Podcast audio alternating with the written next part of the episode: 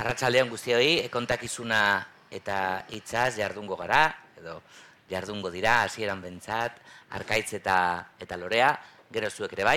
Espero egunerokoan ez, ohartu gabe, edo, edo nahi tarea hainbeste ez, hain presente ditugun hitza eta, eta kontakizuna, hitza erasoa izan daiteke, eh, kontakizuna ere bai, babesa ere badira biak, hitza eta kontakizuna, agian gure gaurko kontakizuna Netflix utza da, eta hitza hashtag edo traula batean, ez, biltzen dugu.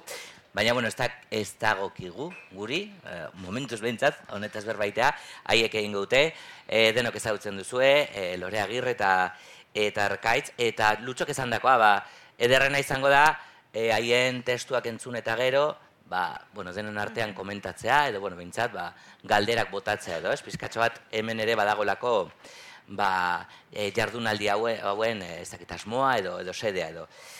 Arratsaldeon bi hoi. Arratsaldeon, arratsaldeon. Bueno, loreak ez du arkaitzen testua irakurri, arkaitzek ordea lorearena bai, zakit hau, esan bat da ez, bai, bueno, hola da. Hau, bai, Erabaki propio. Ba, aukera askea zen. Eh, vale.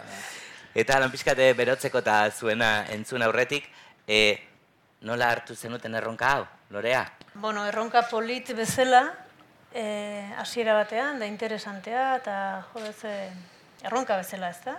Eta ja bildu ala, bueno, eta orain zer, eta hau zer da, eta kontakizuna, kontakizuna, kontakizuna dana da, ez? Bera, zer, e, zertaz nundik, bueno, hori dana. E, borroka bat, e, testuarekin da, nire buruarekin, eta nik bi testu idatzen dituen, seko diferenteak, Ah. Eta gero inun alako inkesta bat, eta honek irabazizun. Eta honenarekin ator, ustez, nik ibol besteak harritu anu, baina. Eraba diferenteak, eraba. Beraz horrek esan nahi du, ba hoxe. Ja. Pentsatzeko aitzakia bat. Ba, askorako ematen duena bai. Oh. Bai. Arkaitzazuk, zelan? Oso bilbot hartuta zauz gaina azken bola honetan? Bai, eta harro nago. Bueno, bai, nik ez dakit, kontak, kontakizuna eta errelatoan hor badago gu suposatzen da neurri batean bagarela kontakizunaren profesionalak edo, ez? Kontatzea da gure lana. Baina gero beti ulertu izan dut e, kontatzen ari garela beti historia bat geure buruari eta beti jende guztiari da gauza kontatzen, ez? Eta euskeraz bada kontakizun hitza, ni bereziki estimatzen dudana, kizun horrengatik, ez? Kontakizuna delako, ba, gero kontatuko dena, ez? Beraz, inoiz ez dago kontakizun bat e, egiterik, ze kontakizuna da, gero kontatuko duguna, beti. Eta horrek uste dut, hitz horrek badaukala magia berezi bat, e, behar bada ez duguna beharra dina ikertu, ustiatu, eta tesi doktoral gai bihurtu oraindik, ez? Mm, bueno, ba, ba nik uste, ez, e, entzuteko, gogotxu gaudela, eta, bueno, zaila izan da, bueno, ez da zaila izan, baina, bueno, azkenan arkaitzek irakurriko du, e, lehenengoa, e, lutxok hola erabaki du, eta etxantzetan dio, bai, hola, hola pentsatu dugu, eta eta orantxe dugu, bai, berak, e, e, horrela loreak ere entzungo du, arkaitzen testua beraz, vale. ba, pres bazaude, zaitxalo batekin edo jasotzen ikustatez, berotasuna emango diola ere.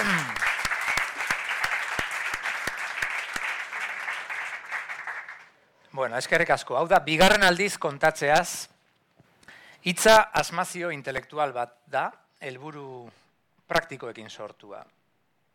Bere pragmatikotasuna gainditu eta zehaztu ondoren, lehenbizi kode eta gero disiplina bilakatu zena, disiplina guztiak bezala manierismorantz garatu zena, eta entretenimendu eta auto ezagutzaren artean aukeratu ezinik, gaur hemen habitatzen gaituen labirinto bihurtu zaiguna.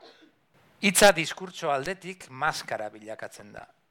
Hitza betelan denetik bigungarri bilakatzen da, edo lubaki edo txarrantxa. Hitza baltsamu, hitza gozagarri, hitza pozoi, hitza artilleria, hitza trampa. Hitza metafora bihurtzen dugu edo gaitu eta zehar bidean galtzen gara edo kunetan hartzen dugu atxeden. Kuneta hitza ez da hitz neutroa, adin bat baldin bat duzu, gehienok badugu. Kuneta hitza hitz mailegatua da. Kuneta berba ez da euskara eta bada.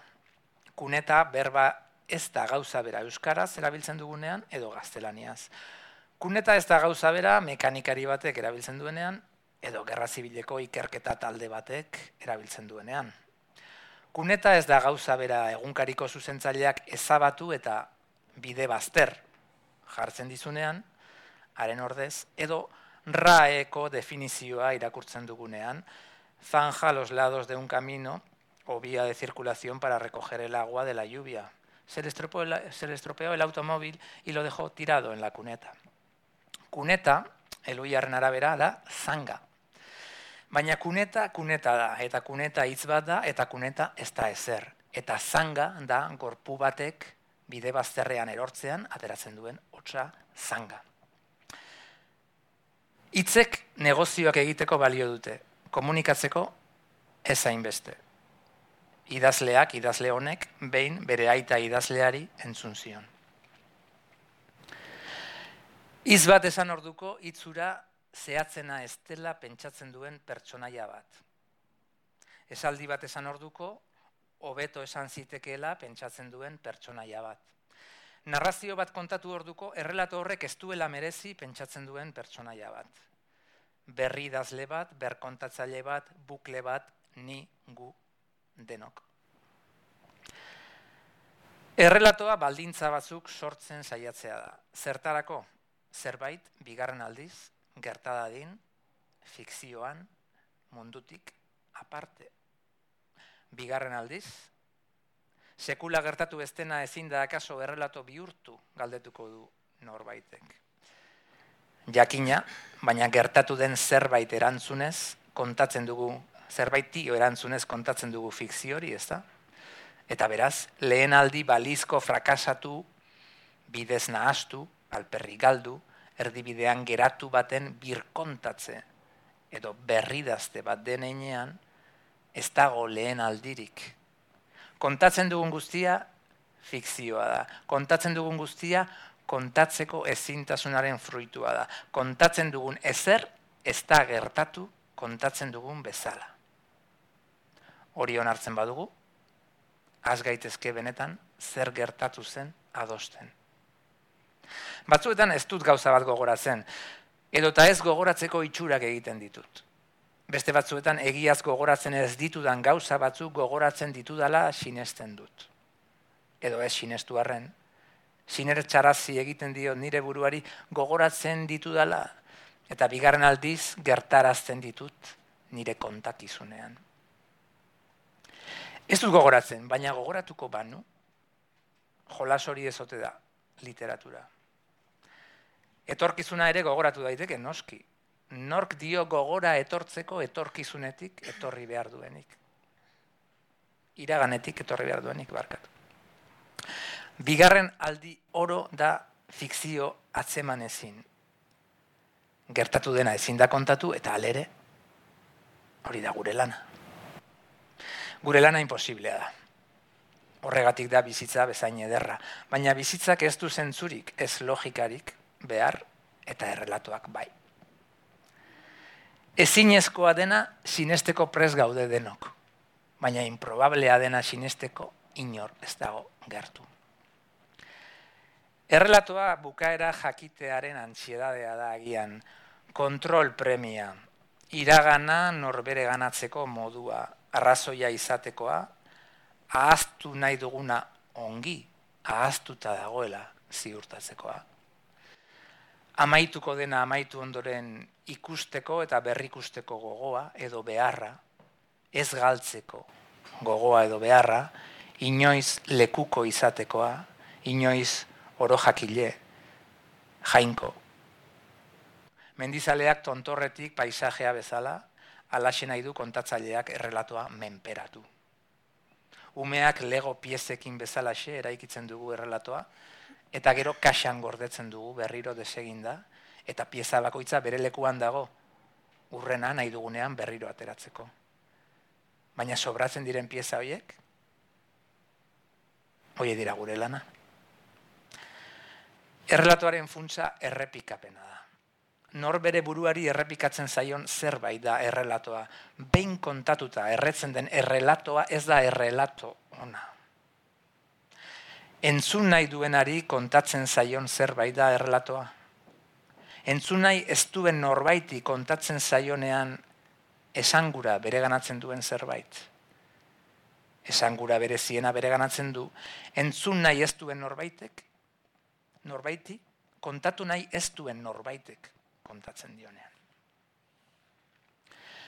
Errelatoa bukaera jakitearen ansiedadea da, bai, baina amaierarik ez dago, ala? Edo nahiago dugu ahaztu badela bat, bakarra, guretzat, eta beti dela berdina.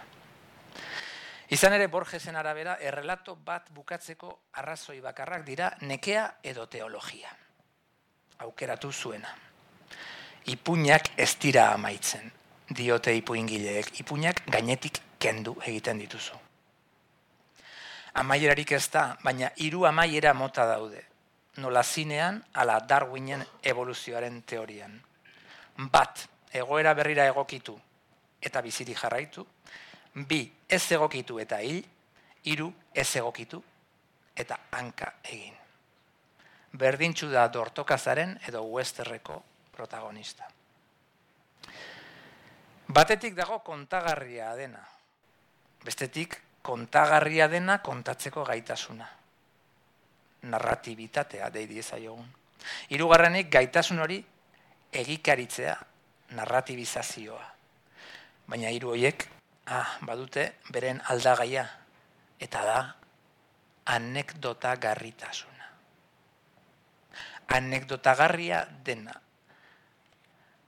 anekdotagarria da kontatzear zauden historio hori, alaba da, baduzu zer horrek, anekdotak kontatzeko gaitasuna, anekdotabilitatea. Historio bat zenbat eta anekdota garriagoa izan, eta zure anekdota habilitatea zenbat eta handiagoa, orduan eta zabalagoa izango da, historioak irauteko izango duen gaitasuna. Agian ez gara kantu bat, agian anekdota bat gara. Ez errelatoa baizik eta desenfokatutako argazki bati jarritako argazki oina. Edo zinema zuzendari batek esango luken bezala pitching saio bat ekoizle baten aurrean zurea saltzeko. Sinopsi xumea. Kontagarri denak eta gure uste arroan gogoan garri denak nola defendatu dezake bere burua anekdotagarritasun fribolo eta ezinago eraginkorraren aurrean. Badabide bat gutxienez, eta da minaren aldarrikapena. Zure min lasgarri horren aldarria eta kontaketa, naiz eta ez izan anekdotagarria, bada inoren memorian bidea egiteko gaitasunaren jabe. Buruan hiltzatu dakigun historio bat, surrealistek eskandalua erabiltzen zuten, dadaistek absurdoa eta provokatzaileek gordinkeria. Eta guk, mina ala anekdota ala biak. Egiarik ez aipa, arren. Goizago ala beranduago heltzen da nekea edo heltzen da teologia edo heltzen dira biak. Eta minaren arrazioa bera anekdotagarri bihurtzeko tentazioan erortzen gara orduan soili geratzen zaigu, edo beket, edo nietxe, edo niente. Ez zer eza. Txomin badiolari irakurria malformalismo liburuan. Batzuetan sentimendu bat konpartitzen dugulakoan, egiten dugun gauza bakarra zera da, forma bat inposatu. Eta nik dio tagian, batzuetan oroitzapen bat konpartitzen dugulakoan, egiten dugun gauza bakarra zera da, forma bat inposatu batzuetan iritzi bat konpartitzen dugulakoan, egiten dugun gauza bakarra zera da, forma bat inposatu. Batzuetan anekdota bat kontatzen dugulakoan, egiten dugun gauza bakarra zera da, forma bat inposatu. Forma bat edo behar bat. Edo beste norbaitek gurea entzun ondoren bere oroitzapena plazaratzeko gonbidapen amoltsu edo eskaera bortxazko bat. Konfesio batek beste bat du zor. Ala dio adiskidetasunaren itun idatzi gabeak. Quid pro quo. Ara, latinak ere bere bidea egin du nire buruan. Aragian eta estarrian. Hizkuntzak bere forma inposatu digu. Oarkabean milaka urtez. Nondik etorri zait bestela niri quid pro quo justiniano hori. Hitzek bortxaz egiten dute beren bidea gugan. Hitzak bortxaren oi hartzuna dira. Hitzek erabiltzen gaituzte haiek bizirauteko. Hitzek hitzen eta errelatoen eramale utxak gara, instrumentalak gara. Marina Ezbetaiebak zioen poetak urrunera eramaten duela hitza eta hitzak urrunera eramaten duela poeta. Ez nago hain seguru. Guk erresistentzia jar dezakegu eta soberan geratzen diren piezei galderak egin. Baina lehenago edo beranduago etorriko dira edo nekea edo teologia molderen bat. Bukatzeko aplikazio praktiko bat irakurriko dut. Hau da, adibide praktiko bat. Da, denok kontatzen dugun historia edo gure buruari kontatzen digun historia bat dago. Ez, ez nahi dut, literatur kongreso batean zaudenean, bos minutu dauzkazu, jendea txunditzeko, bazkaltiarrak txunditzeko, zure izena zakordatu zaitezen urrengo egunean, berdin da. E, idazleok ere pitxinak egiten ditugu. Hau da nik erabiltzen dudana. Nire bizitza, bi behien bidez konta dezaket. Lehen behia, Andaluza da. Behi bat erosi zuen, Aitona Markosek, behi horren esnea salduz, lortzen zuten, diruarekin ordaintzen zuten, familia bizi zen lurrere mua. Behia gaixotu eta hil egin zen, ez zuten lur saia ordaintzeko dirurik, eta beraz, aitaren familiak Euskal Herriera etorri behar izan zuen, behiura hil izan ezpalitz, nien nintzateken jaioko. Zer dau, aur literatura, patua, destinoa, behi andaluzaren historioaren irakurketa soziologiko bat egin nezake, edo irakurketa politiko bat, izan ere, nork saldu zion behi hori gure aitonari, Felipe González presidente sozialistaren aita izan zela esango banizue. Etxean diote gaixorik zegoen jakinaren gainean saldu ote zion gure aitonari, borondate txarrez. Laroi garrana markada maieran, González telebizan agertzen zenero gure aitak amorratuta beti esaten zuen, ustela, gaixori zegoen behi bat jakinaren gainean saldu zigun bere aita bezalako xea. Anekdotabilitateak, minak ala bere izaera politikoak egiten dute historio hau gogoan garri. Neronek ez dakit gertu egin dagoelako kontatzen nauen historio honetatik. Bigarren baiaren historia Euskal Herrian kokatzen da. Mila betziren eta hogeita maseiaen andoainen. Okupatuta zeukaten gure amonaren baserrian. Amaika urte zituen amona Josepak orduan amona kontatzen zuen, errelatatzen zuen, bigarren aldiz narratzen zigun hainbat urte beranduago, oroitzen zuela esaten zuen, edo sinitxarazten zion bere buruari, oroitzen zuela. Eta bere narratzeko gaitasunari esker sinitxarazten zigun guri. Nola pikondo bat zegoen baserriaren parean. Eta nola kartetan ibiltzen ziren ofizial falangistak eta abade bat pikondoaren abaroan, eta nola lehiotik ikusten zituzten Amona Josepak eta bere aizpa edubijisek soldaduak eta abadeak kartetan baserrian preso zeukaten brigadista frantziar baten paraderoari buruz izketan. Bi argoizean fusilatuko duzue. Agindu die ofizial falangistak soldaduei. Konfesatu beharko dalen bizi, harrapostu abadeak. Baina brigadista frantsesak ez daki gaztelaniaz, eta bade falangistak ez daki frantsesez.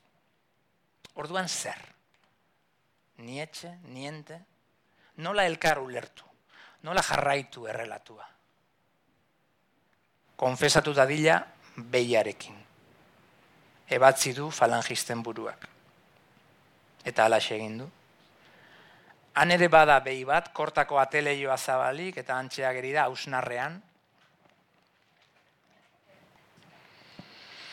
Brigadista frantsesa behiarekin geratu da, parez pare isilik. Elkarri begira daude biak. Eta hurrengo goizean fusilatuko dute. Lehen behiak nire existentziaren esentzia errelatatzen du. Bigarren behiak nire idazle izatearen funtsa. Errelato batek zertarako balio duen galdetzen didatenean, beti pentsatuko dudalako brigadista frantziar ark behiari kontatu zion historioarek. Nola azalduko zion bere buruari etxetik urrun eta gazterik hiltzera zijoala eta mundu honetatiko bere igaro bidea etzela guztiz alperrik izan. Zein hitzekin, zein errelato, zein kontakizunekin. Izenik gabeko brigadista frantsesari utzi zioten fusilatu aurretik gutun bat idazten. Hori da, erruki kristau ezaguna. Baina fusilatu ondoren, gutunura mila zatitan purra-purra xe apurtu, eta oilioi banatu ziren ofizial falangistak. Gutun hori berrosatzeko, bizitza osoa beharko dut nik. Horregatik naiz narratzaile, itzoiek idazten nautelako ni orain, eta errelato ezinezko horrek naramalako zuen gana. Eskerrik asko.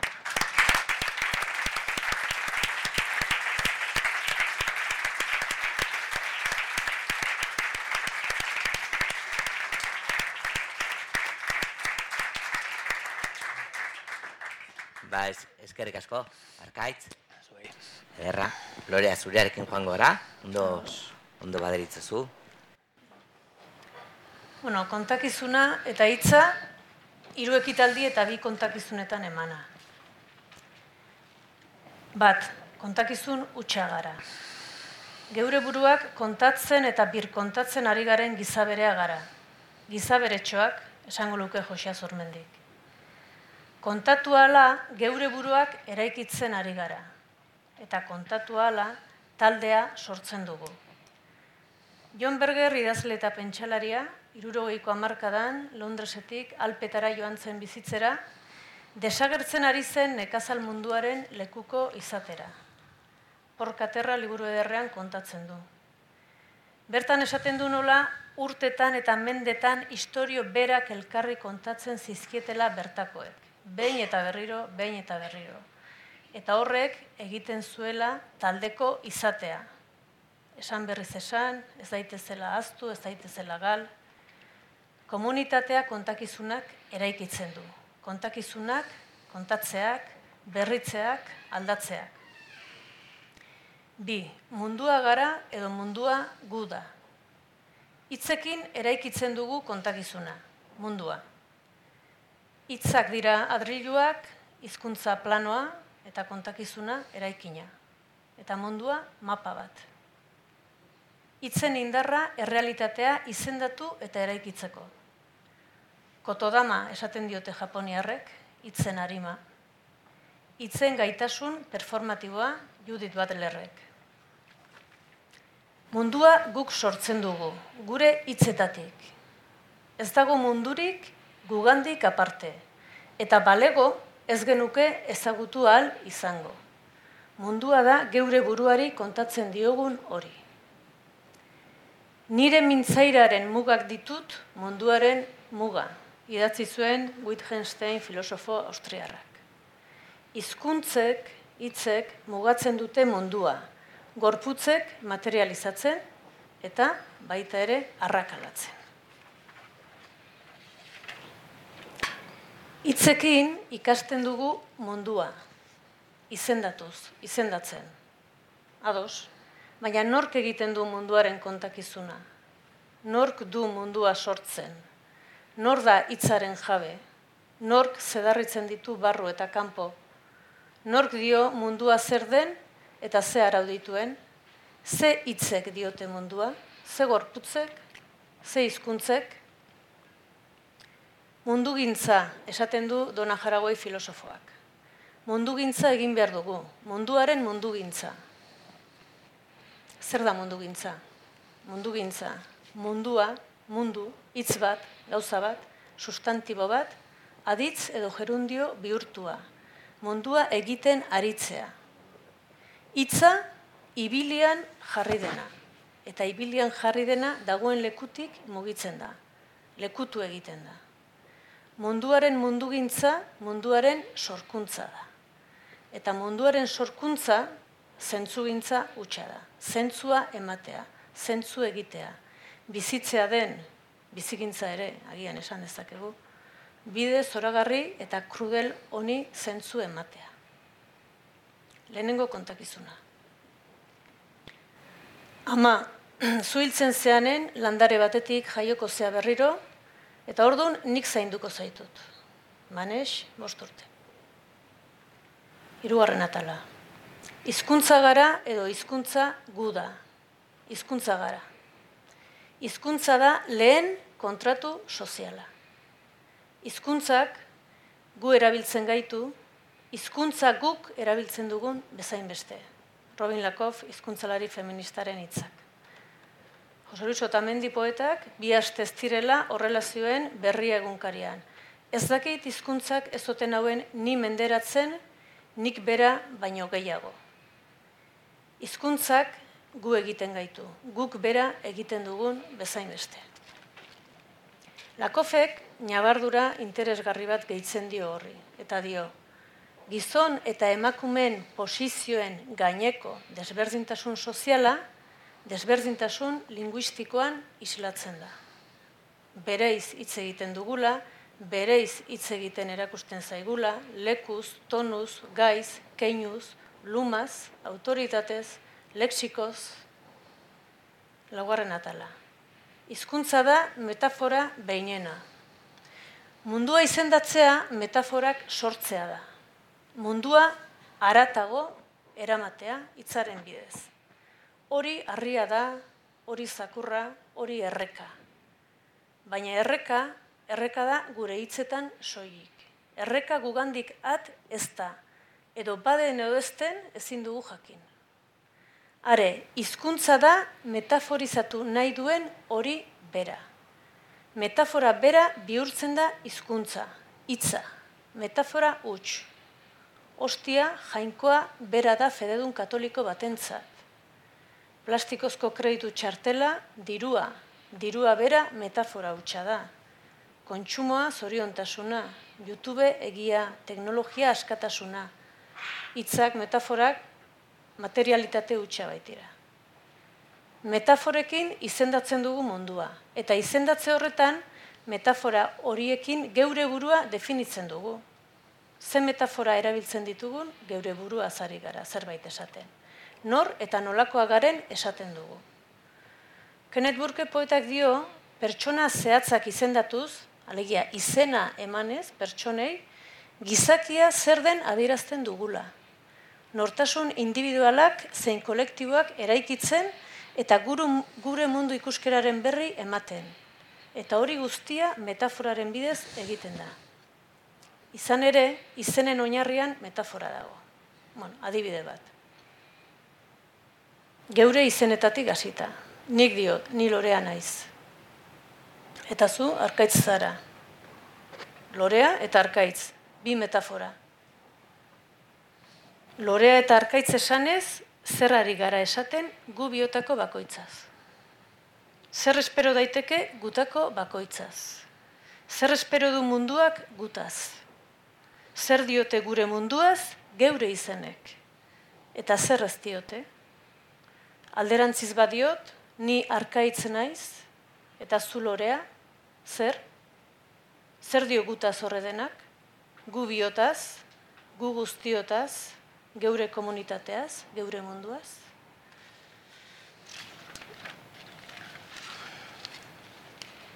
Simbolikoa dena,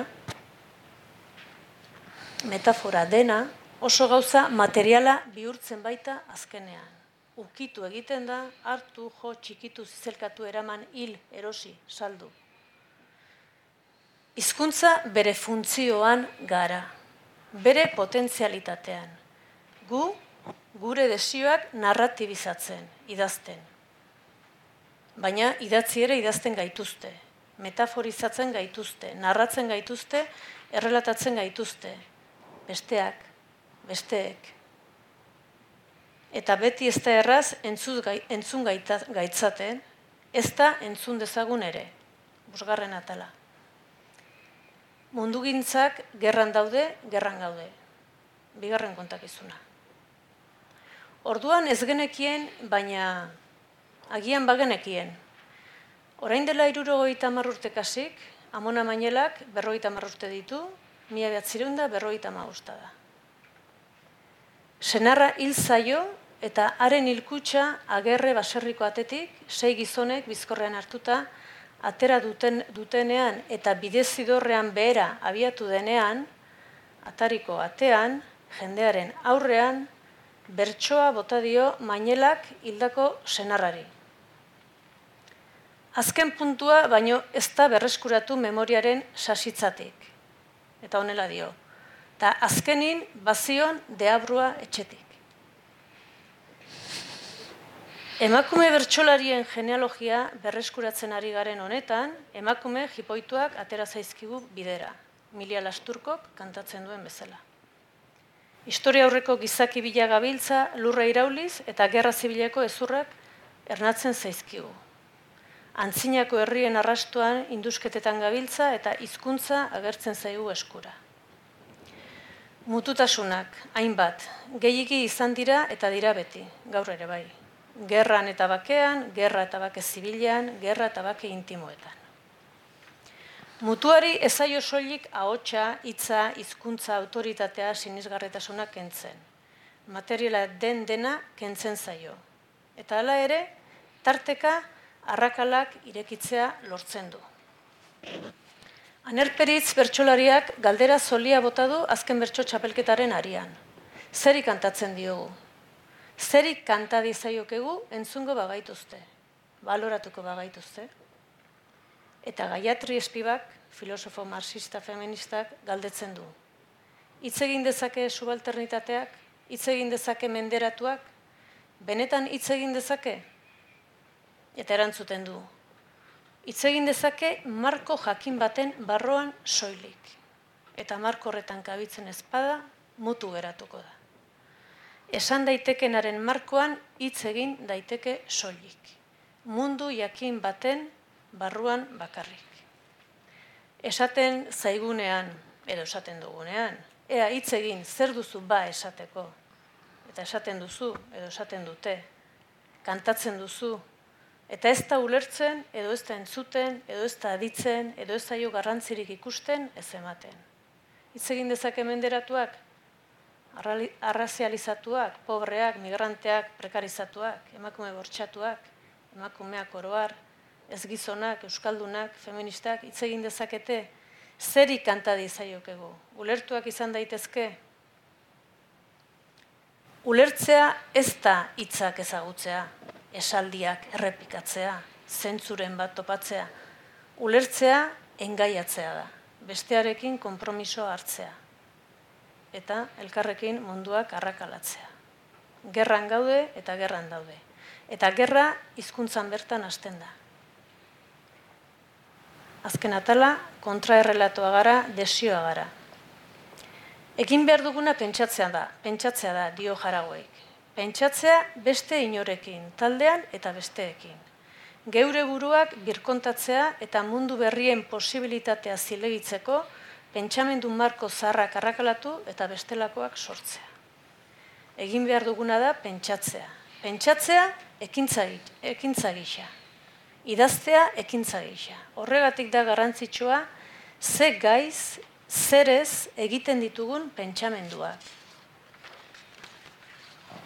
Zerekin pentsatzen dugun, ze ideia erabiltzen ditugun beste ideia batzuk pentsatzeko. Garrantzitsua da, ze historio kontatzen ditugun beste historio batzuk kontatzeko. Ze pentsamendu pentsatzen ditugun pentsatzerakoan. ze pentsamendu pentsatzen dituzten pentsamenduek, ze deskribapenek deskribatzen dituzten deskribapenak, ze korapilok lotzen dituzten korapiloak. Pentsatzea ekintza gisa, pentsatzea pentsa daitekenaren arresietan zerrikituak irekitzeko. Pentsatzea zer eta zerekin pentsatzen dugun. Pentsatu genealogia eginez, pentsatu arkeologia eginez, erraietara joaz, erradikalki pentsatuz, lokatzetan sartuz, beldurri gabe espekulatuz, pentsatu utopia eginez. Ekintza pentsamendua, deitu izan zaio horri.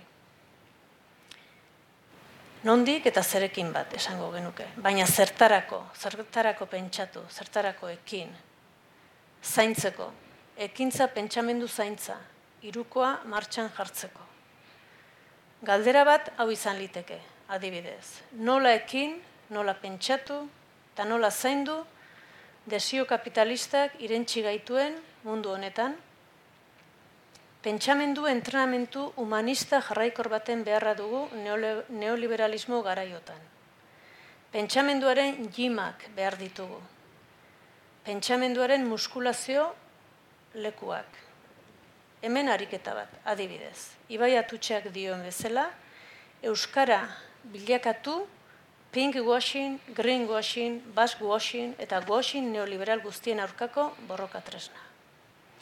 Edo mundu berri bat ugazabena esten hizkuntza berri batekin eraikia, aurre lorde, poeta, lagunzarrak, lagunzarra gogora ekarriz. Ai, ou berri bat esan, idatzi zuen amaia lasak, orain, hiru marka da.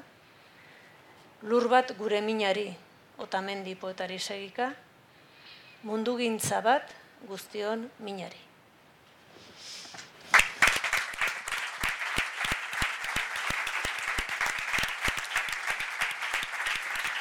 Eh, koincidentzia batu bat zegoen.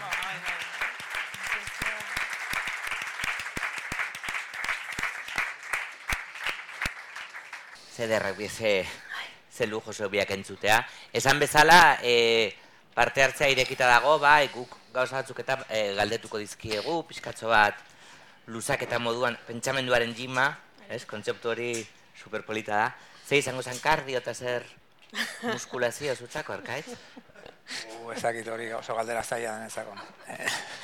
Jimetza juten horrean, ez? Ikimera jutezea. Ez, ez, ni itxasora juten nahi zuzenean. Itxasora da bide bakarra, ez?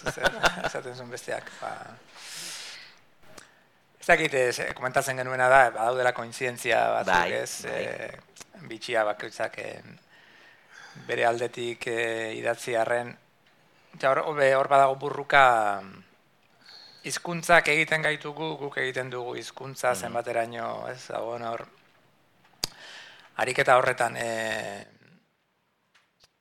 gimnazio batean bentsatzen ari naiz, e, zaki ze aparato daude gimnazioetan, ilustra, ilustra nazazu, eh? e, gailu, ze... Ez beha kointzidentzia, ez, bezan da pixkat distentsionatzeko, e, pentsamenduan jiman zerari. Beha kointzidentziak badago ez, zer garen eta zer egiten gaituen, ez? E, hizkuntzak eta horretan ez, hor biek e, kointziditu zu asko, ez da? E, e, kontraerrelatoa gara, batek ez, hmm. anekdota gara, hmm. besteak desioa ere bagara, ez? Zuk lorea, ez? Kontakizuna, eta hortze ez, e, eta hitzek gu egiten gaituzten, ala hitzak guk egiten ditugun, ez? Hor ere biak ibilizarete, ode zabiltzat edo gabiltza, ez? Horregaz bueltaka. Kor bi gauza bezala daude, ez? Bat da, eh, ikusten duguna kontatzearen desmaterializazio prozesu horretan galtzen dena, ez? Hori, esan nahi, zuek hemen zaudete, eta ni bihar idatzi behar dut kronika bat. Eta Oscar Wildeek zioen bezala, osea, kasetaritza ez dago irakurriko duenik eta literatura ez du inork irakurtzen. Orduan, e, materia hau, humano eta ez humanoa hitz bihurtzean, osea, prozesu hor inzinezko horretan, ez, fikzio, metafora, e, konbentzio, kode, horretan, hor badagolako, e, alkimia bat dena zoragarria, esoterikoa, praktikoa, negozioetakoa, badauka bere zentzua, bere historia, baina absurdoa da. Zai dute, esaten zenuenan, ez, lorea, arkaitz. Ni saiatu naiz nire izena desmaterializatzen.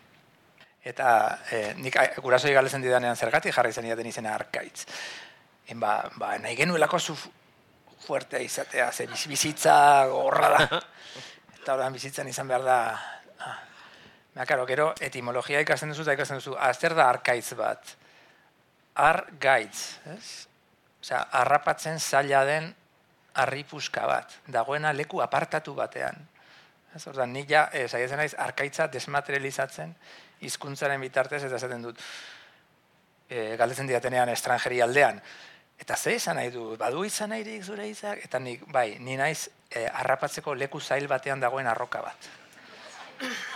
Eta ban ja, horrekin egiten duzuna da, e, iskat, e, buelta eman, ez, esateko, eta ben, ezeko goratzen naiz, Amsterdameko lagun batek esan ziren, ah, you're uncatchable, ez, eta geroztik usan uncatchable ditzen zidan, arrapa ezina.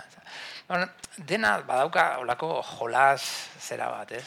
Hori da bat, osat, transmisio hori. Eta bestea da, pues, kodigoaren beraren, kodi, nundik datorren kodigo hori, ez? Desio, zuka aipatzen zenuena gehiago, ez?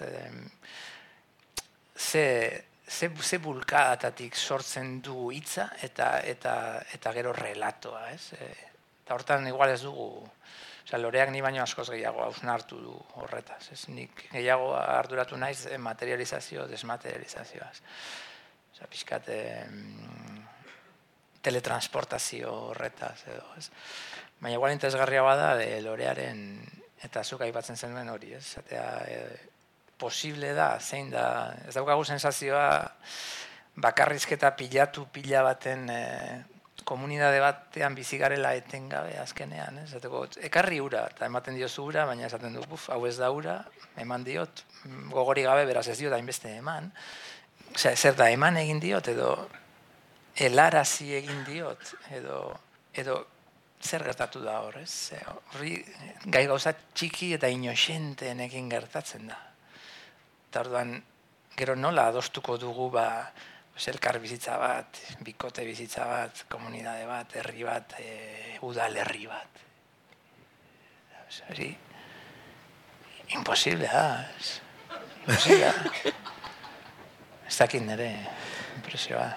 Bueno, ez da imposible da, baina hor gaude. Beraz, beraz posible da. Esan nahi dut, e, posibilitatearen terminoetan. Eta desiragarria da, no ez baina posible da. Kontua da, adibide horri jarraiki, beste modu batean hori irudikatzeko, pentsatzeko eta ekiteko gai ote garen. Eta usten dute, bueno, hau segurazki garai guztien galdera izan da, ez? Baina bada hori, ez? Mm. Osea, e, gai geha imaginatzeko e, beste modu batea gauzak, hori oso harik eta mm, komplikatua da. Zedenok jaiotzen gara hizkuntzara, jaiotzen gara komunitate batera, jaiotzen gara kode batzuetara, jaiotzen gara metaforetara. Ba, bueno, izenena evidentea da, baina kau, izena metafora da e, munduaren esplikazio oso bat, metafora mm. bakoitza, ez? Eta bakarra eta elkarrekin lotuak, ez? Esan nahi dute, alegia, mm, beste modu bat esan da, izarteko botere harremanen adirazgarri huts da, ez? Metaforen bitartez, ez?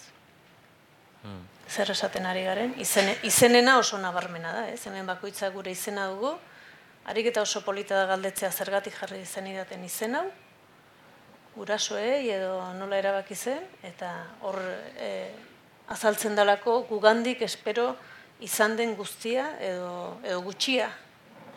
Ez? Hmm. Egia da? Edo gauza diferenteak, edo ez? Eta, bueno, ba, hor, hor, horra jaiotzen gara. Hmm. Eta, eta hor, bueno, ba, gero desmaterializatu daiteke eta eta berkontatu edo zeure buruari kontatu eta eta eta arrakala bat ireki, ez? Arroka arrapa arrapa horretan, ez? Baina horra jaiotzen gara, ez? Orduan, hortik nola egingo dugu? Bat, bueno, geure burua diodanean norberarena kolektiboa ere bada. Nik uste dut bakarkako ekimenik bat ez dagoela eta bueno, idaztea eta pentsatzea baino gauza kolektiboagoik eh, ez dago edo gauza harrapakariagoik edo, ez?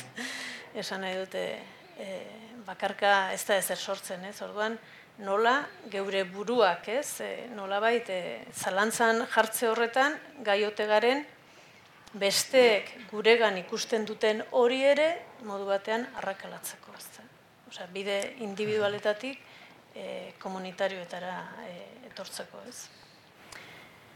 Bueno, ez dakit, zer gehiago. Zintzen galdera. Ah, bo, ez, eh, zuk gu, eh, Auskalo. gutitzak, eh, zuk esan duzu ez norbanako asko arkaitz ez, ointza ipatu duzu, zuk ordea lorea ez, eh, gu batetik ez, eh, planteatu duzu asko eh, errelatoa ez, plural, plural batetik ez. Ez que nik uste dut, segurazki errolata beti da gu bat, ez da? Ez? Osea, bakarka errelatoik ez da existitzen. Mm, Osea, bai, zeure bai, ba- bai, ba- ze, baina normalean errelatoa, e, bueno, azteko ni gu naiz, esan nahi dut, zue gabe ere. Osa, Bueno, gero gu aukeratu Eh, leiteke. esan nahi beti. nire sensazioa da, e, ni badukadala gu bat, ose, esan nahi dut, e, buru batzar bat nire buruan, da beti ukidu sensazio hori. Ze, Esanbela da. biltzar txipi edo deitu nahi duzun bezala. Bai, bai. Eta hori zenbateraino den benetako gutasun baten reflejo edo kuadro psikiatriko batena, pues hor ja e- ebatzi beharko zer, zen zerbait da. berdina dira, kuadro psikiatrikoa eta... Segurazki.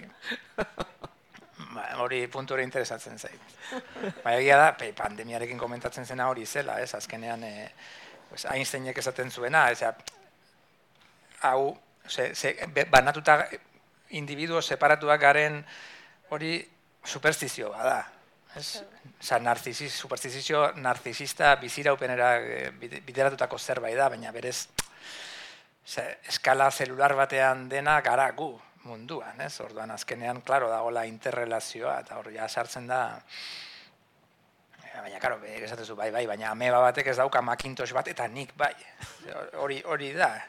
Eh, garamatzana eh, narzisismo kontalari individualismo horretara, ez? Ba, jakina gero masa sozial bateko ispilu ba, zu bakarrik egon arren, ez? Beti badago ispilatze erantzute horregatik esaten nuen bigarren aldiz kontatzen dugula dena beti, ez? Eh, Beste beste zerbaiti erantzuten dio gure relatoak ere, ere zentzu denon artean Beti da... konstruitzen dugu, bai, dudari gabe. Bai, bai, eta, bueno, ez, ez dut nahi nientenista edo Nietzsche, Nietzsche edo beketegia ere adierazi nire burua, ez? Zan dut, nik uste ezinezkoa dela, baina ados nago saiatzea dago kigula, ez? Em, baina, fondo-fondoan sinisten dut ezinezkoa dela. Eh, hala ere, eh, baina, baina egin behar dela. Eh, Ba, horretan ados gaude, nik uste dute, bai, sakon-sakonean, e, bueno, komunikazioa esaten duguna, ez? Zuka adibidea jarri dezu, zer dan komunikazioa, ez? E, komunikatzen gara, benetan, osea, komunikazioa ez da hitz bat esan eta besteak entzun, osea, bueno, berriro goaz, hi- hitz horren esan nahi guztiak, gehi persona horren erabilera, kontestua, momentua, historia, zautze ez dana, dakizuna, ez dakizuna, hor bidean dijoa, ez? Eta askotan ulertzen dugu, noski ulertu nahi duguna, eta, eta ulertzen dugu ez esaten zaiguna, baizik eta em, e, esaten ari zaizun persona horrek esaten duen hori, haber noraino noa iristen naizen, esaten duen hori, esaten duena baino persona horrek esaten dizuelako, ulertzen duzu zerbait edo ez duzu ulertzen. Bueno, komunikazio paradogikoa ditze zaio horri. Ez? E, ba, bikote bat diskutitzen konstantemente, inkomunikazio bat, eh, baina gure baina karri bestea, hor, badago beste komunikazio bat, o in, beste inkomunikazio bat, kontua ez da, emaida zura ez eman eseri arropa ez duzu jaso, ez, hor dago, hor dago beste, beste komunikazio edo inkomunikazio bat, da? Persona horrekiko daukazun, e, bueno, denboran, e, luzatu den, agian gehiegi, luzatu den, harreman baten e, e, baldintzapenak nola baldintzatzen duen e, komunikazio hori edo ulerpen hori, ez? Eta gero beste gauza, nahi kurioso egitezatena edo, ni uste ulertzea edo komunikatzea asko dela desioa. Bai, zer ulertu nahi dugun, zer desio nahi dugun, ez? Hmm. Hori imeietan eta asko gertatzen da, ez? Eh, Eta Edo kritika- WhatsAppen eta gauza guztietan. Kritika, ez? kao, ni hor geratu nintzen. Ez, ez naiz itzi ez gimnasiora, ez WhatsApp. Baina, eh, baina, Bai, esan nahi dut, edo, ez, eh, Baina desia jaso nahi duenarena. Eh, Claro, Osa, zuri maitasun gutun bat, inoiz, jundan mila urtekoan, edo idatzi badizute, ez? Edo, edo, edo gian maitasuna, edo, edo desamodio gutun bat, eta zu irakurtzen aizea, eta desio dezu ulertzea gauza bat. Mhm. Eta gauza hori da, ba, aida esaten e, badijoala, baina e, ez du nahi, edo ez dakit, ez? Nahi, nola desioak baldintzatzen gaitun baita ere, baina zuk esan nahi zenun, ez, nik enuen hori esan, baina zuk esan nahi zenun, Bai. ez? Desioaren, norberaren desioak e, komunikazio horretan ze, zer egin duen. Besteekiko proiektatzen dugun horretan, ez? Bueno, hau, ja, beste tema da. Bai, bai, bat, ez, bai, kobratzen ari izan kritika konstruktiboekin gertatzen da hori, ez? Lagun bati bidaltzen diozu idazle bati demagun. E, profesio bat a- aukeratzea batikola. Idaz, idazle bati bidaltzen badiozu bere originalaren edo liburuaren iruzkin ongi landu bat arratsalde bateko burua ustea izan dena zuretzako, ez? Ze iruditu zaizu nire manuskritoa argitaratu aurretik, ez? Darren idazten diozu oso modu diplomatiko eta edukatuan eta hirugarren parrafoan badago objezio txiki bat, ez? Eta zer duzu, bueno, hiru parrafo behar izan ditut, objezio hori, baina hori hori da ikusi behar duzuna, ez? Objezio hori. Baina aldiz, badago irakurketa diagonal bat eta desioak eramaten zaitu arrastaka irakurtzera zel manuskrito ederra idatzi duzun, ez? Eskerrik asko banekin gustatuko zitzaizula, mila esker, ez dut hainbesteko laudori hori merezi. Eta orduan, esatezu, ostras, oraingoan ere diplomatiko egoa izan naiz. eta, eta hori bada niri mm, rekurrentemente gertatzen zaidan zerbait, ez? Ikusten zu, e, ikuste, ospitaletan ikusten da. E, Erantziz gertatzen da. Alderantziz gertatzen da. Hoxe, Ospitaletan gertatzen da, hiltzen ari da gaixoa eta eta famili, familiak ez du hori ulertu nahi. Edo igual ez diote ondo azaldu. Ez dakizuen artean sektore medikoko jende asko dagoen, nik nire burua eskaintzen dut seminario bat emateko komunikazioaz. Osea da nire gaietako bada, ospitalak eta komunikazioa. Hor bada, baina zuek ez ziren dituen kontatu behar, erizainak, e, zeari, meikuari, meikuak erizain buruari, eta, eta, eta hilda. Eta familia harrituta, baina esaldi osue adierazi, esaldu zue ulertu nork esan dio, da, egoera bat, oso, oso paradigmatiko askotan ematen dena, esatea.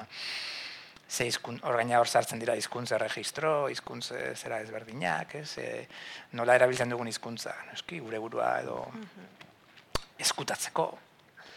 Ze ez da bakarrik nik ez dudala ondo ulertu, baizik eta zuk eskutatu nahi izan duzu, esango du norbaitek, ez bestaldetik esango zut, eske, ezin zenuten hitz horiekin esan, esan behar zenuten beste hitz batzuekin. Ez. Ja. Hor badago ez kontakizunaren bertsio diferenteak eta edo ez dakit ez, horrekin hiltze, hor pertsona bat hilduzu edo hil, hilin da, Bai. Baina eta errelatoarekin, errelatoa edo kontakizuna inoiz e, hiltzen alda, zen ze bertsio ezberdinak ez gertatzen dira, ustezko errelato berdinarekin, baina aldaketa horrekin kontakizuna hiltzen alda edo kontatzen dena edo? Mutazio batean dago, nik uste, gu, gu, gu gara adibidea, ez? Osea, baina gu gara gabonetako afarian, zu kontatzen duzu urtera anekdota berdina, eta arrakasta handia izan du, orduan urrengo urterako gordetzen duzu. Eta urrengo urtean berriro kontatzen duzu, baina lehen urtean funtzionatu zuen, ez, punchline horiek edo txiste horiek areagotu egite dituzu, esageratu, suspense gehiago dago hor, beste zatitxo bat ero- erortzen da.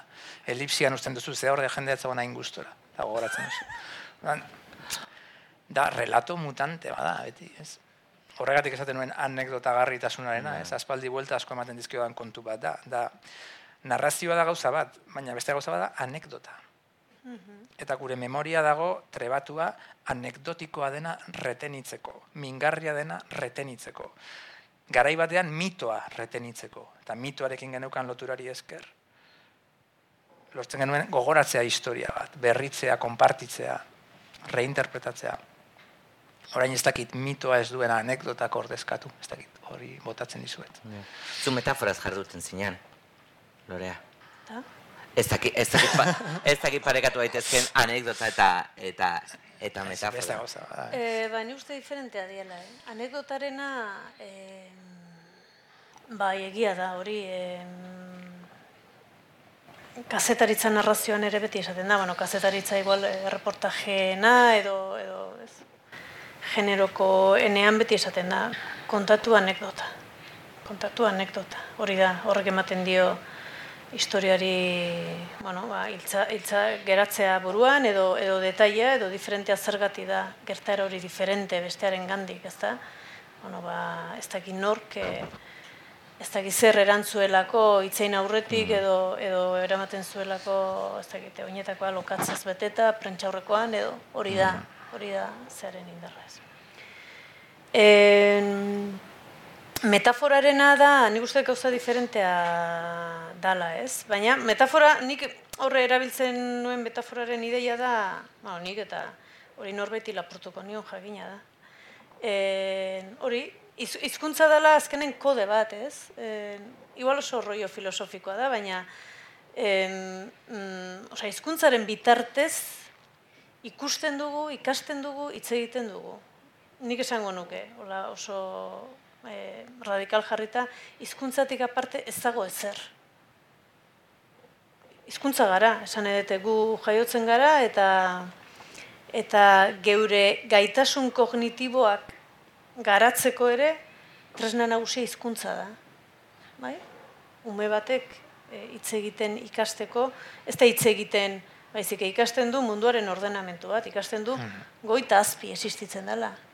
Ah, hor goian dago, behan dago. Osatzen, ostia, goia eta beha existitzen da, hitzak daudelako, ez? Edo, bueno, orduan e, hitzekin e, izendatzen dugu guztia, ez? Adi, adibide soil bat, ez? Bueno, euskerarekin, e, ma, igual ez da bain inargi edo, baina espainolarekin, espainolak e, bi genero bere izten ditu, ez? Maskulinoa, femininoa. Orduan, hoi azken fine metafora bada galdetzeko zer esaten digu, hizkuntza hori erabiltzen duten, darabilgun, no? Guga, gu, gure gainean zer esaten du horrek.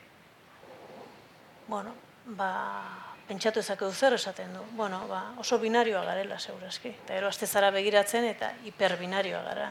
Dana da, beltz, txuri, txar, on, ez? Badia beste hizkuntza eta kultura batzuk, non bere izten dituzten, behar bada, existitzen dira, e, zazpi genero, diferente. Bueno, ba, zer esaten dizu? Bueno, agian, ezagutu gabe kultura hori, baina agian anistasunaren beste kontzeptu badutela. Bai? Bueno, esan dut orduan, hizkuntzak egiten gaitu zentzu horretan, ez? Azkenen, metafora da, e, metaforaren bitartez, edo, bueno, igualaztu metafora baino, izendatzetik definitzen ditugu gauzak, ez? Esan dut, gizartea e, edo taldetasuna antolatzeko argi dago, arabak behar dira, e, jerarkiak behar dira, bueno, guk ezagutzen dugun munduan bai. Ezakit, jerarkia gabe mundurik badagoen, baina eta hori dena nolabait egin egiten da. Osa, hori gabe, hori gabe ez dago, ez da? Baina horretarako hitzak erabiltzen dira eta hitzak antolatzen dira. Gu hemen gaude taldean eta pentsatu ezakegu nola antolatuko dugu talde hau. No, bereizketa bereziko ditugu jendea, taldekatu behar ditugu talde txikiagotan. Zeren arabera ingo dugu? Belarriaren tamainoaren arabera? E, oinaren zenbakiaren arabera, e, hilaren arabera, e, simpatiaren arabera, oza, modu asko egon litezke ez, baina gure gizartean basikoetako bada genero berizketa. Hmm.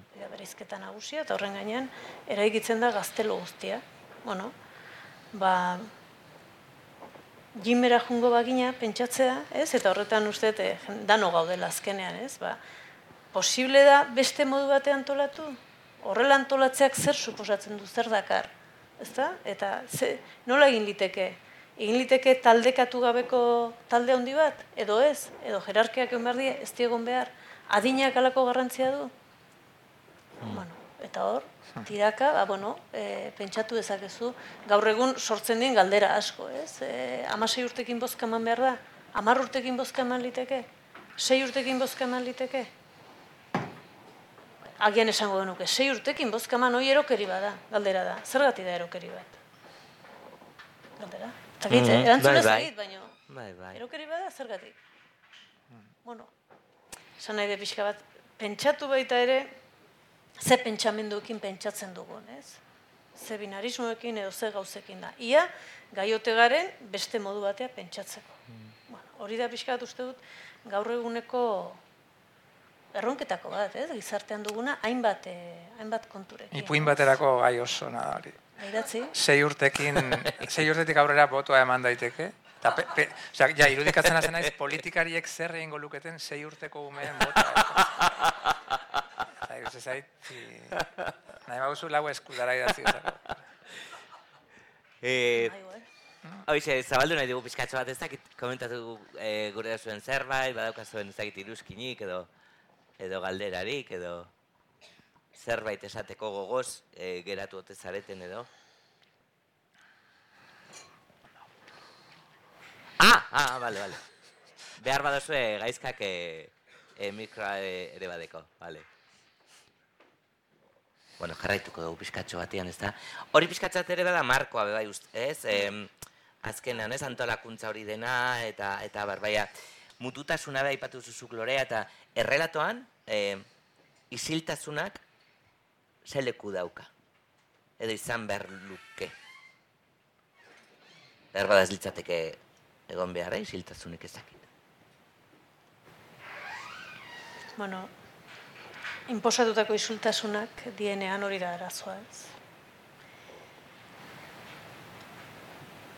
Esango genuke. Eta, bueno, errelato bat isiltasunen gainean eraikitzen da, ez? Subalternitatearen gainean eraikitzen da bezala, ez? Eta hain zuzen, bero pixka bat, e, espibak, bueno, hau, filosofo oso ezaguna da, eta oso emakume interesantea, bea, indiarra da, eta e, postkolonialista, eta bueno, oso gauza interesanteak esaten ditu, eta bere kontestu horretan ez, ko- kokatzezun ez. E, baina galdera hori ez, subalternioek hitz egin dezakete benetan?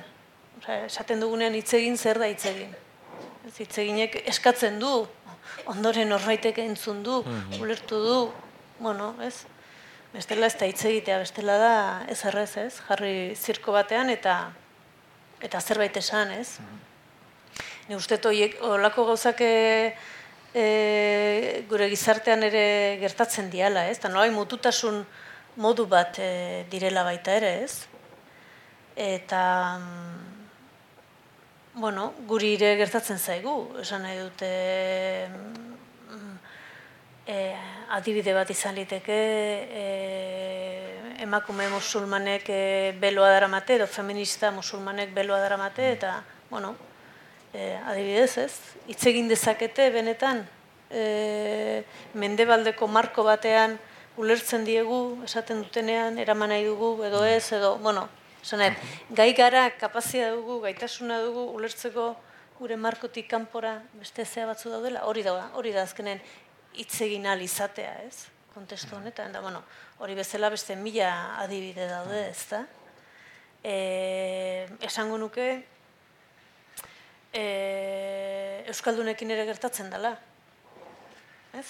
E, gaur bertan ikusi dute Twitterren horre bideo motz bat egin dute akelarre telebiko programa hontan, ez? Ez da ite zenba daraman, baina euskeraren kontrako mm, bueno, barregarritasun ustezko, e, ez da izen bat, e, elkarrizketatu ez? Mm. E, bueno, oso oso muturreko eritu zat, eta oso zafioa gainera, eta oso estupidoa ez. E, orduan, programa hori ikusten du nahi, edo, edo hori egiten duen ekipoa, edo, edo dana delakoa, edo gidoilari, edo orkezlea, edo, edo EITB-ko arduradunei, ez da? Zer, e, benetan horre euskaldunak hitz egin dezake? Osa, eramate dute idazle bat, ez? Eta eta hitz egin dezake edo edo edo edo hitza ematen dizudaren plantak eginez mutu utzi. Mutu ustea gutxieneko litzake.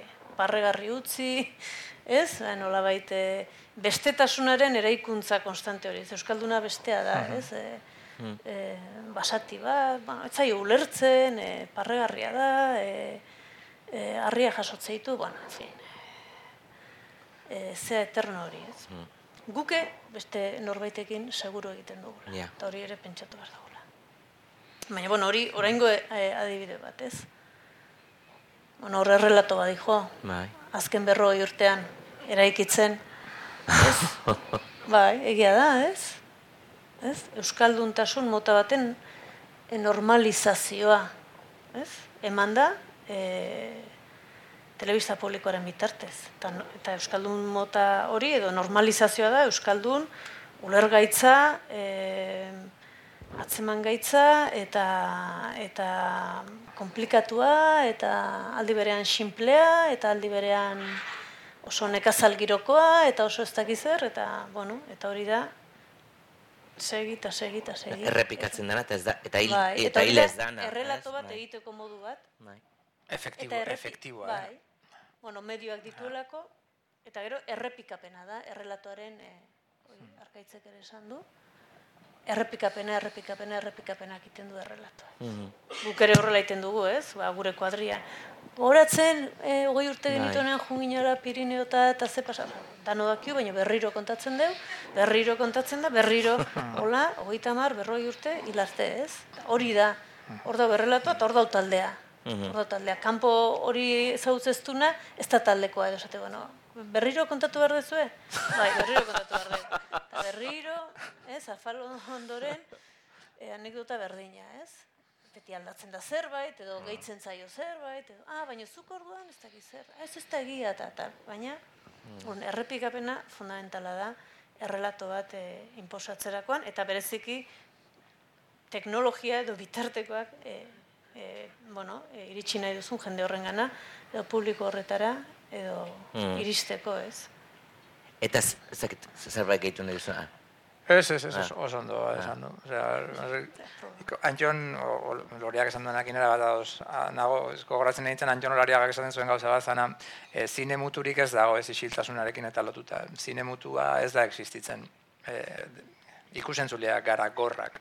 Ez esaten du.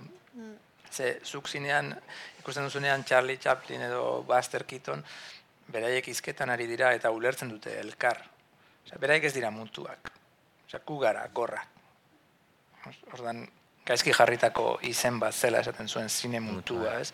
Eta ma hori gurera ekarriz gauza bera da, behar bada ez da e, gortasuna da kontua, hau da, ez entzutea, ez entzuna izatea, uste izatea ez dagoela mediorik hori entzuteko edo norbere buruari baimena ematea ez entzuteko, ez? Hori, boterea da ez entzuteko baimena ematea zure buruari.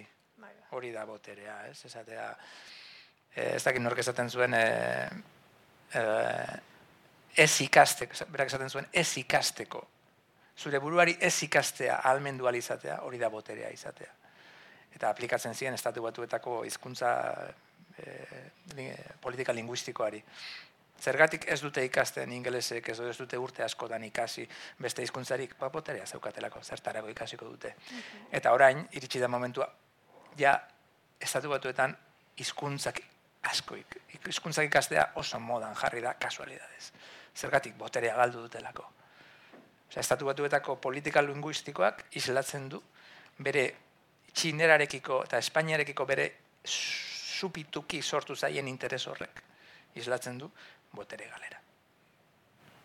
Argi eta garbi, ez? Orduan, antzeko zerbait da, ez entzutea, ez ikastea, hori dira, hori dira boterearen ajeak behar da. E, azteko, e, eskerrik asko zuen e, testu ederrengatik. E, egia da, entzuterakoan, pentsatzen nuela, esaldi bakoitzetik beste tesi bat egin zitekela. Eta denbora horiek jasotzeko eta, eta kontakizun bakoitzak, esaldi bakoitzak beste kontakizun infinito batera garamatzala, ez?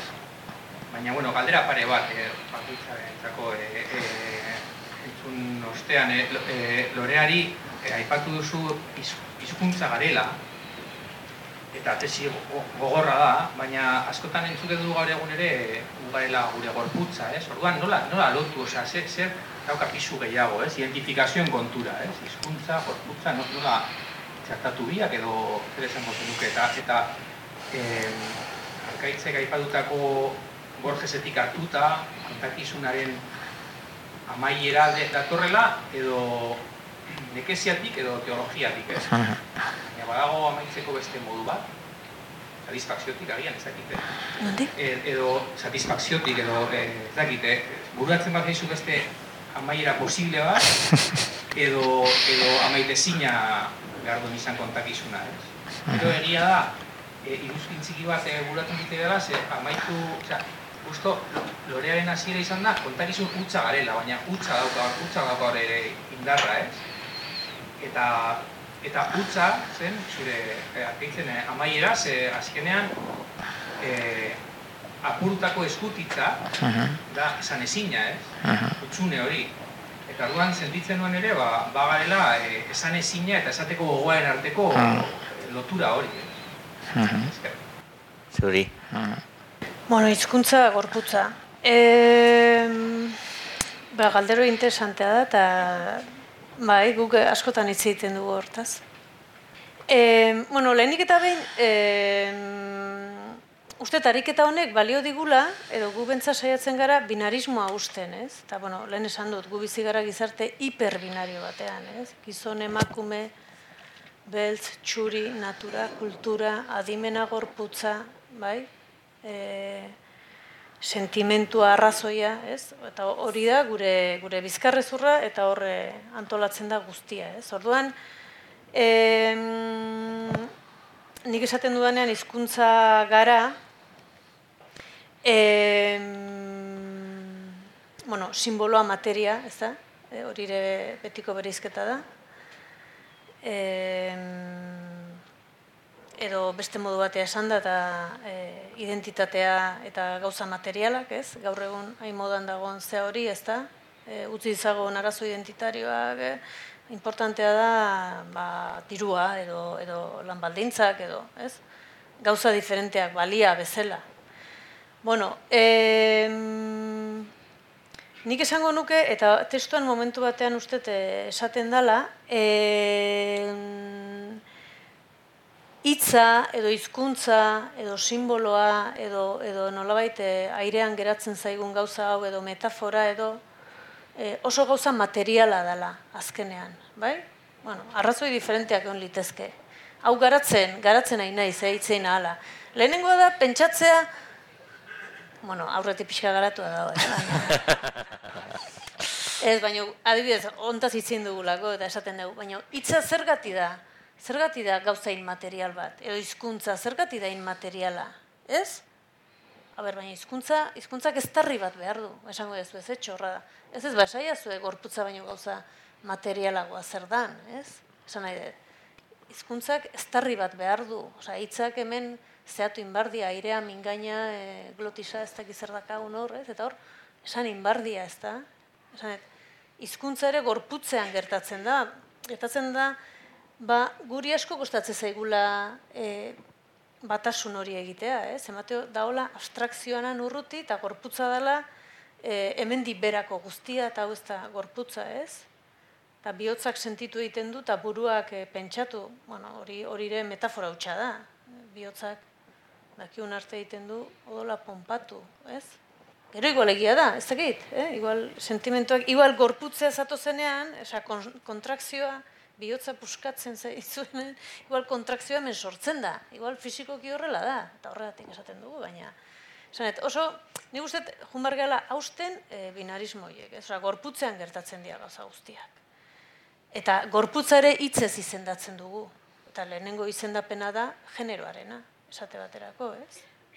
Jo, hemen ditiratuko bagenu iritsiko gineke ba, judi bat lerreraino, ez? Nun esaten duen e, biologia bera ere metafora huts baden edo asmatzen den kode badala, ez? Osa, nolabait, guk ikusten dugun hori da. Ba, guk ikusten duguna geztu esan nahi. E, hori da nik errealitatea. Agian ez zaigu inporta, ze total errealitate horretan gaude. Ez? Beraz, bada, ez? Ez da ukatzen, ez dare baina ematen dizu aukera beste modu batea pentsatzekoa. Ba, hizkuntzak materialidadea behar du, gorputza behar du. Bueno, ez dakit, igual goin e, inteligentzia artifizialak ez dakit, zer, e, zer hmm. egingo duen, edo... Baina, bueno, norbait grabatuko dute, baita ere norbaiten gorputzetik pasakoa, edo ez, ez dakit. Ez da izetorriko dan mundu honetan, baina momentu honetan gorputz bat behar du, eta gorputz, gorputz pensante bat, esango dugu, ez? E, e, bueno, feminismoak eta e, Ego Amerikako feminismoak e, sentipensante hitza erabiltzen du asko, ja badia marka batzuk. Arrigarriki, guain dela berrogei urte, Josia Zurmendik erabili zuen, sentipentsatu. Ba, Olako sorpresak emate ditu, Josek batzuetan. Topatu nion, ai ba, hau Josek, hau ere esan du ja? Bueno, vale, ba, hau ere esan du. Sentipentsatu, ez? Esan nahi. Bi gauza diferente dia, edo, edo, edo bat dia, ez da? Netzako izku, hizkuntza gara eta gorputza gara kasi esaldi bera dira. Osea, lotuta, lotuta dijoaz, ez? Eta gizatasun eta ez, ez gizatasun guztia gorputzean gertatzen da. Ez? Daun eta gauzarik materialena gorputza da. Bai?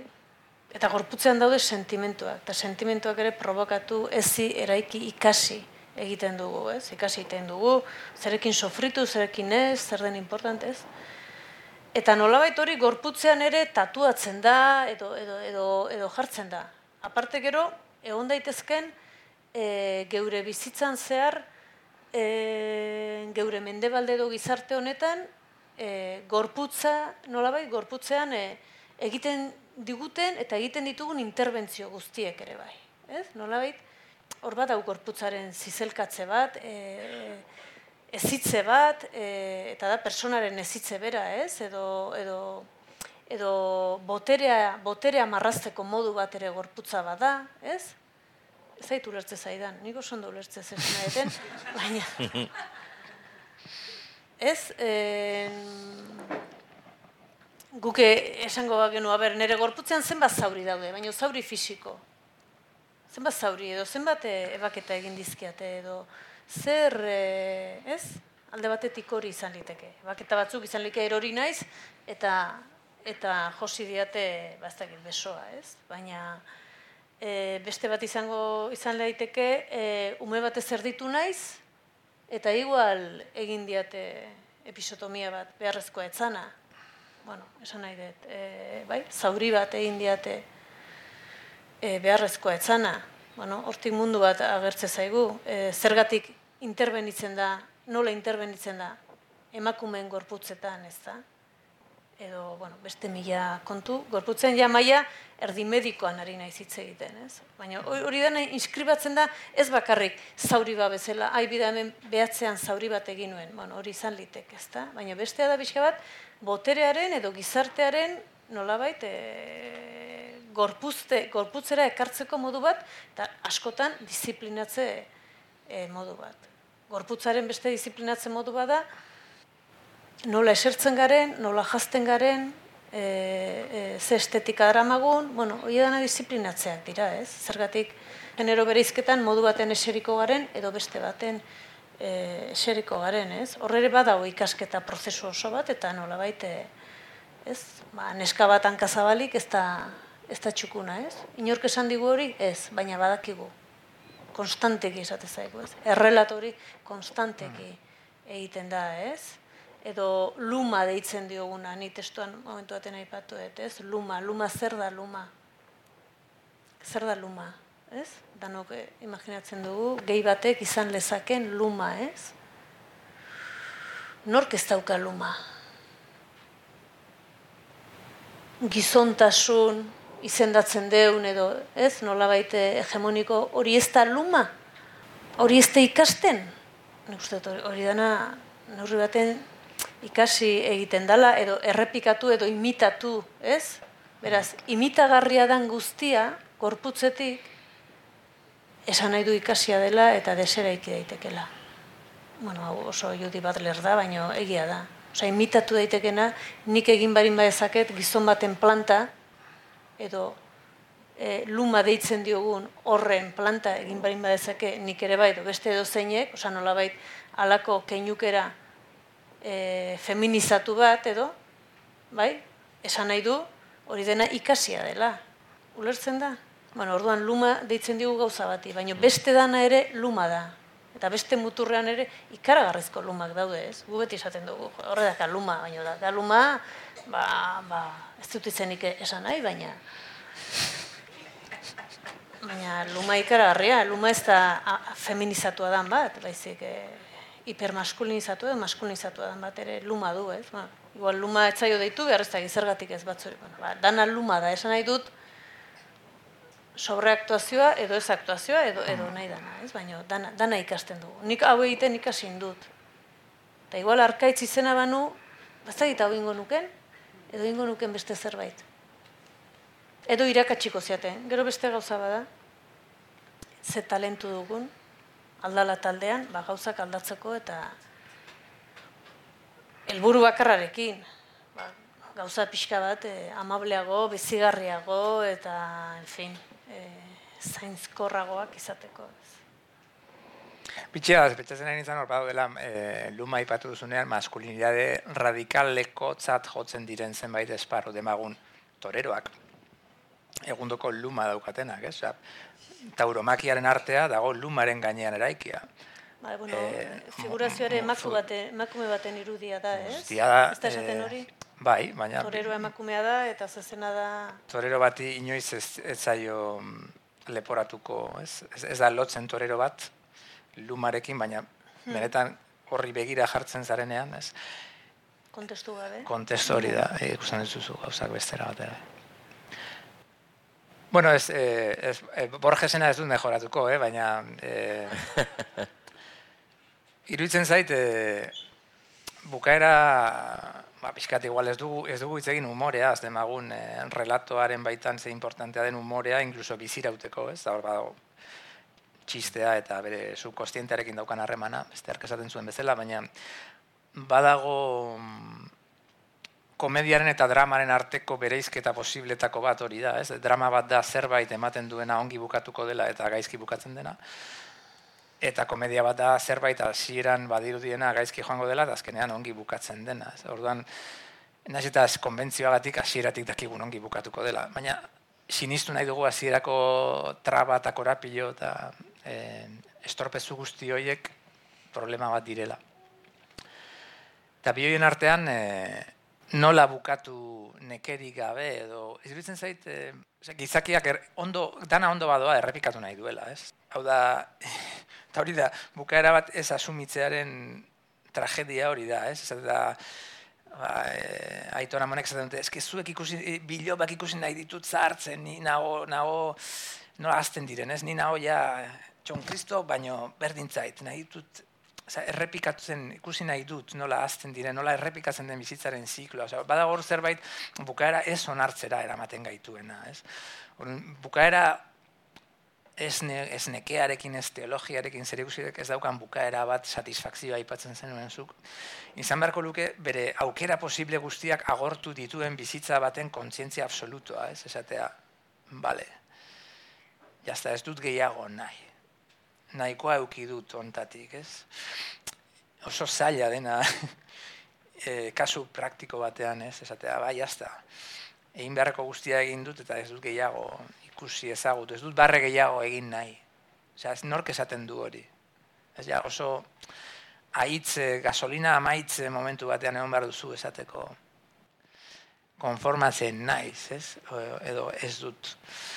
Ez badago jakina, baina zerbait endekapen bat edo gaixotasun bat edo e, balantza horretan eramatzen zaituena onartzera, amaiera, ez? Ala beharrez, ez zaila egiten zaite pentsatzea satisfakzio horren sati, amaiera satisfaktorio bat, eh? nun, nun eta ezten behar bada, ba, alako txiribuelta humorezko bat, ez? Osea,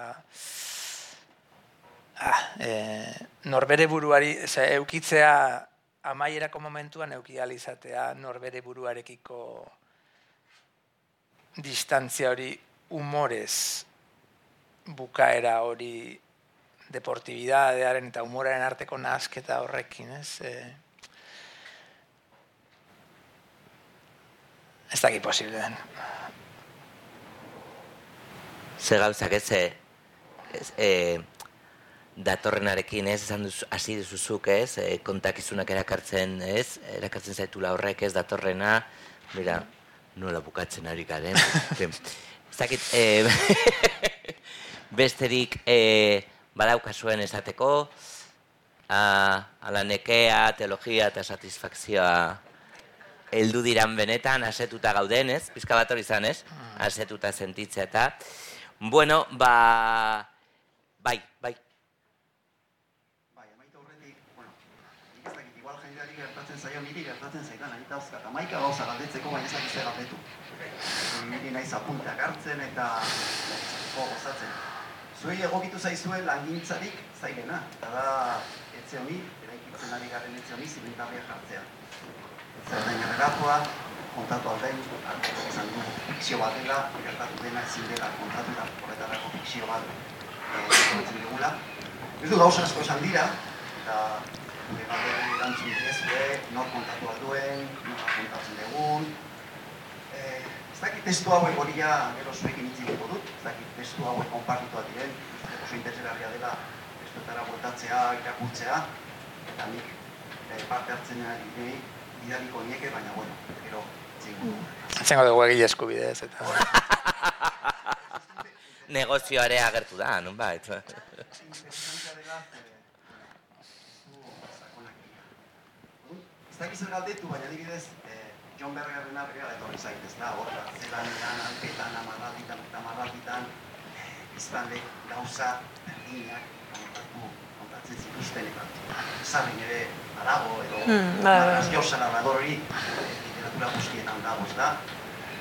Eta behar da, gu montatu dugu hau sensazio batetik etorri garelako. Eta sensazioa da, gaur egun ez gaudela hor, baizik eta gaur egun gaudela hitzaren merkatu anabaza batean, merkatu ez erabat desorekatua, zuk esan duzu, eh, jende guztiak ezin du berdin kontatu, edo jende guztiak ezin du kontatu, ez da? Orduan, igual, nire galdera da, gaur egun merkatu horretan, non Twitter, non amaika gauza, non dana datu dan, eta hemen Euskal Herrian, nola kontatu behar dugu. Zu, amaieran, gu horretatik, gu denok gatoz, kontaketa klasikotik, Grezia, Erroma, agia gu, eta bestea. Orduan, eta zu dinozu eh, lorea, behar bada, bultzatu eta bestera batean kontatu behar dugu, arrakadak sortu, eh, nola. Dakite oso igual, da. Bai. Urrengo, urrengo hitzaldietan, ziurenik hitzaldi terrenalegoetara, etorriko gara, ja gaia jarrita zeharkatuta errelatua, hau, errelatua bestea, ez da, mintzatuko gara, komplikatu izan da. Nola emango zeniokete honi amaiera, beste hasiera emateko. Zer, Ba, nik esango nuke, igual, konpartitzen duzu esaten duzun hori, ez? Ba, bergerren ideia hori, aber, ez dela, en fin, hori, bergerrek idatzi gabere, bagenekigun, baina, bueno, behar bada bergerrek esan zuen, eta ez hori, ba, egunero, egunero anekdota berdinak, bera iristen da, ez? Britaniko bat e, Alpe Alsazia uste zela, ez da? Alsazian, eta orduan, e, gauero, anekdota berdinak, jende berdinak, anekdota berdinak, jende berdinak. Berba guri somatzen dugu faltan neurri batean elkarri gauza kontatzeko lekuak.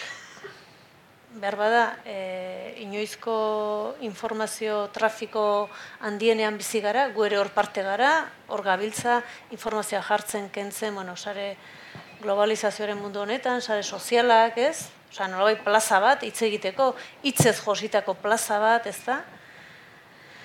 E, baino aldi berean, mm, bueno, hori kondenatu gabe, ez da, noski, baina aldi berean agian somatzen dugu, berbada nostalgiatik ez dakit, baina elkarri historioak kontatzeko leku bat, ez?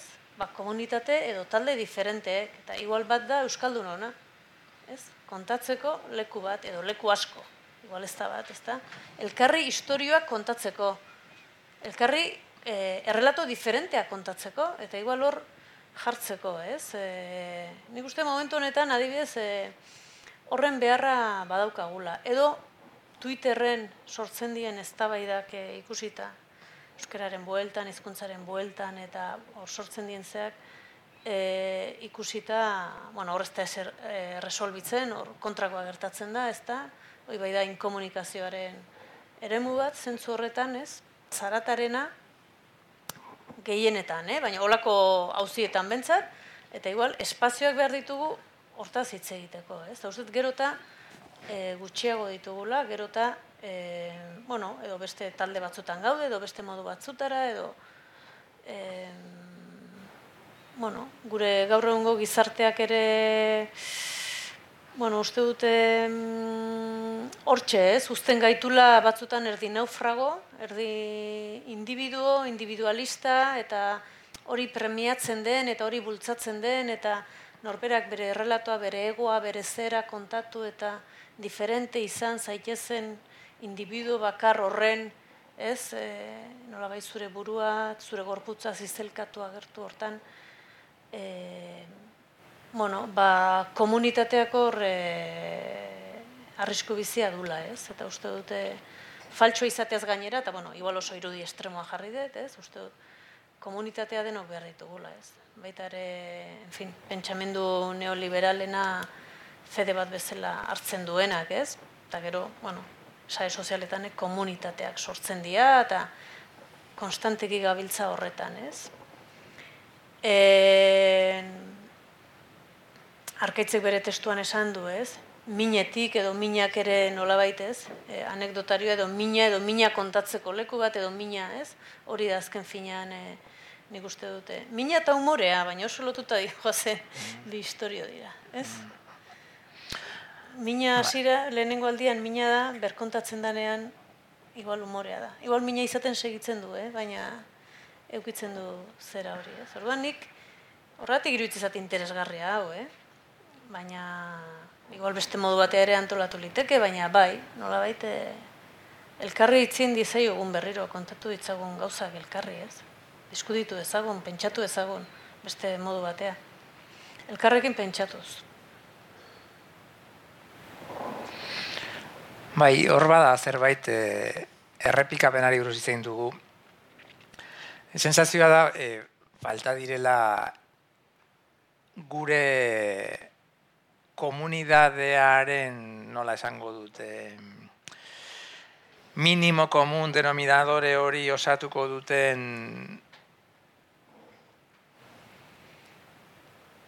hitzak, esamoldeak, umore giroak, uste dut falta direla, ez direlako errepikatzen. Oda, nire sensazioa da, e, hizkuntza handi batek edo komunitate handi batek hau bere buruari baimendu diezaioke ba, bere transatlantikoan sartu dadin ur asko, ez? Ze transatlantiko hori ez da ondoratuko. Orduan galera, galera etengabea da, ez? Berdin da. Badago Massachusettsen e, komunitate literario, musikari karagarri bada inork ez du ezagutzen kriston letrak egite dituzte. Beraien talde, baina berdin da. Ze beste talde badago Seattleen eta daude hogei Nueva York eta beste hogeita mar, San Francisco, orduan, ba, kemaz da. Baina gure kasuan, iruditzen zait, e, eta oso zaila da, e, ze, jerarkia, bate ez dute jerarkia, izeneko gauza desprestigiatu horri buruz hitz egingo, baina gure irratie, gure telebistek, gure egunerokotasunean e, sare sozialetan dabiltzan aztiek, ez dakit lan hori, zeregin hori, gogo hori, desio hori, hmm. duten edo amesten duten sikiera, ez? Iztegi hizkuntza esamolde gure eguneroko izkeran txertatuta geratuko diren pelikulen zati hoiek engrasatzen joan daitezen ez dakit ideario bezala, gurari bezala, edo esaten duena desio bezala, ez? Ez benetan hizkuntza bat tek mugitzen gaitu eta garamatza elkarren gana, baina hizkuntza horren eraikitze horretan guk gure kabuz ere jar dezakeguna. Mm e, bada, ez? Zai dute e, efemerideak, ez? E, amorru handia ematen dit, irratia piztu eta egunero ari u dozen efemeride bat esaten, ez? Zateko, Bira, ze kantu hau, bladi izan da, jo, nahikoa da, bladi izan da, ja, entzun dute, mila aldiz, eta kontatzen dizute, bono non zegoen martxoaren zazpian sortu zela, eta gaur betetzen dira berrogeita zazpi egun, eta hiru hilabete, eta zatu, jo, eta beri bladi izan da, eta bladi izan da, eta, eta en efecto, eh, fucking bladi izan da. eta berriro entzungo dut. Baina, hori ez, ez du egiten gurearekin. Osea, Eta, eta nik egin dezaket personalki, saiatu naiteke modu eroiko batean, nire kuadrillan, perpetuatzen anekdota bat, kantu bat, personaje baten izena, fikziozkoa, liburu bateko pasarte, bat, la repetit, berdin zait. Baina hori ezin da egin modu artikulatuago, pentsatuago, komunitarioago batean, nori dagokio. Nori ordaindu behar zaio soldata hori egin dezan. Ordaintzen dugu, eh? Ordaintzen dugu, baina egiten alda, eu dute dugu. Ez, hor badago hizkuntzarekin, na- narrazioarekin, narrazio kolektibo batekin zerikusia daukan zerbait poderosoa, dena ez memeak, baizik eta ezur haragizko desiotik, gorputzetik eta gure kulturatik datozen une gogoangarri hoien bilduma hori etengabe egondadin gure kuadrillan, zirkulazioan berritzen, hori botatzen duenik faltan. ez. Eta hori ez dakit nola egiten den, posible den, baina bladi izan irekin ez. Osea, nik ez jakin nahi ditut gure efemerideak, linguistikoak, gure... Eta bai, egon badaude. Eta ezin dugu gure ontzia ez da transatlantiko bat, ezin ditu fugak euki etengabe ez. Baina humorez, humorez. Beti. Zer esango zu ba? Bai, bergerrek taberna kontatzen du, baina guk ta, tabernak ez ditugu behar, ero bai, behar ditugu, eta hori da mundu oso bat euskeraz. Osea, ba, gauza bat, ba, telesaiak, euskaraz kontatuak, bueno, hemengo jendeak egina, berdin di zer kontatzen duen. Osea, esan, mundu bat errekratu konstanteki, ez? E, bueno, hori da Hori izango da, estatu bat eukitzea. Igual, ez. Bueno, bai? Edo ez, baina... Bai, bai, fikzioa, fikzio hori nola alimentatu, errepikatu, kontatu, gero bestea, gero beste zerbait ez, ba, ba, goenkale, ba, emezortze mila goenkale, eta segi, eta bestea, eta bueno, diferent, ez egit, kontau, kontau, hitz egiten jarri gu, ados edo ez ados, jarri, jarri, jarri, ez, hori da, hori da ez daukaguna, ez? Hemen sortzi mila goenkale, esan dezu, zeman? Bueno, igual, telesail utziko. bueno, nik uste goenkalek bere funtzio Bai, funtzio importantea. eharra egin zuen. Bete zuen. Hementze, hementze utziko dugu, e, oraina kontakizun jarduna, jardunaldi hauen lehenengo alea edo lehenengo eguna, e, komunitatea, ez? Sortze komunitate bat bada hau, e, senti pentsatzen oso ondo, oso gustora egon gara. E, eskerrik asko lorea eta arkaitzeri, e, Azteko.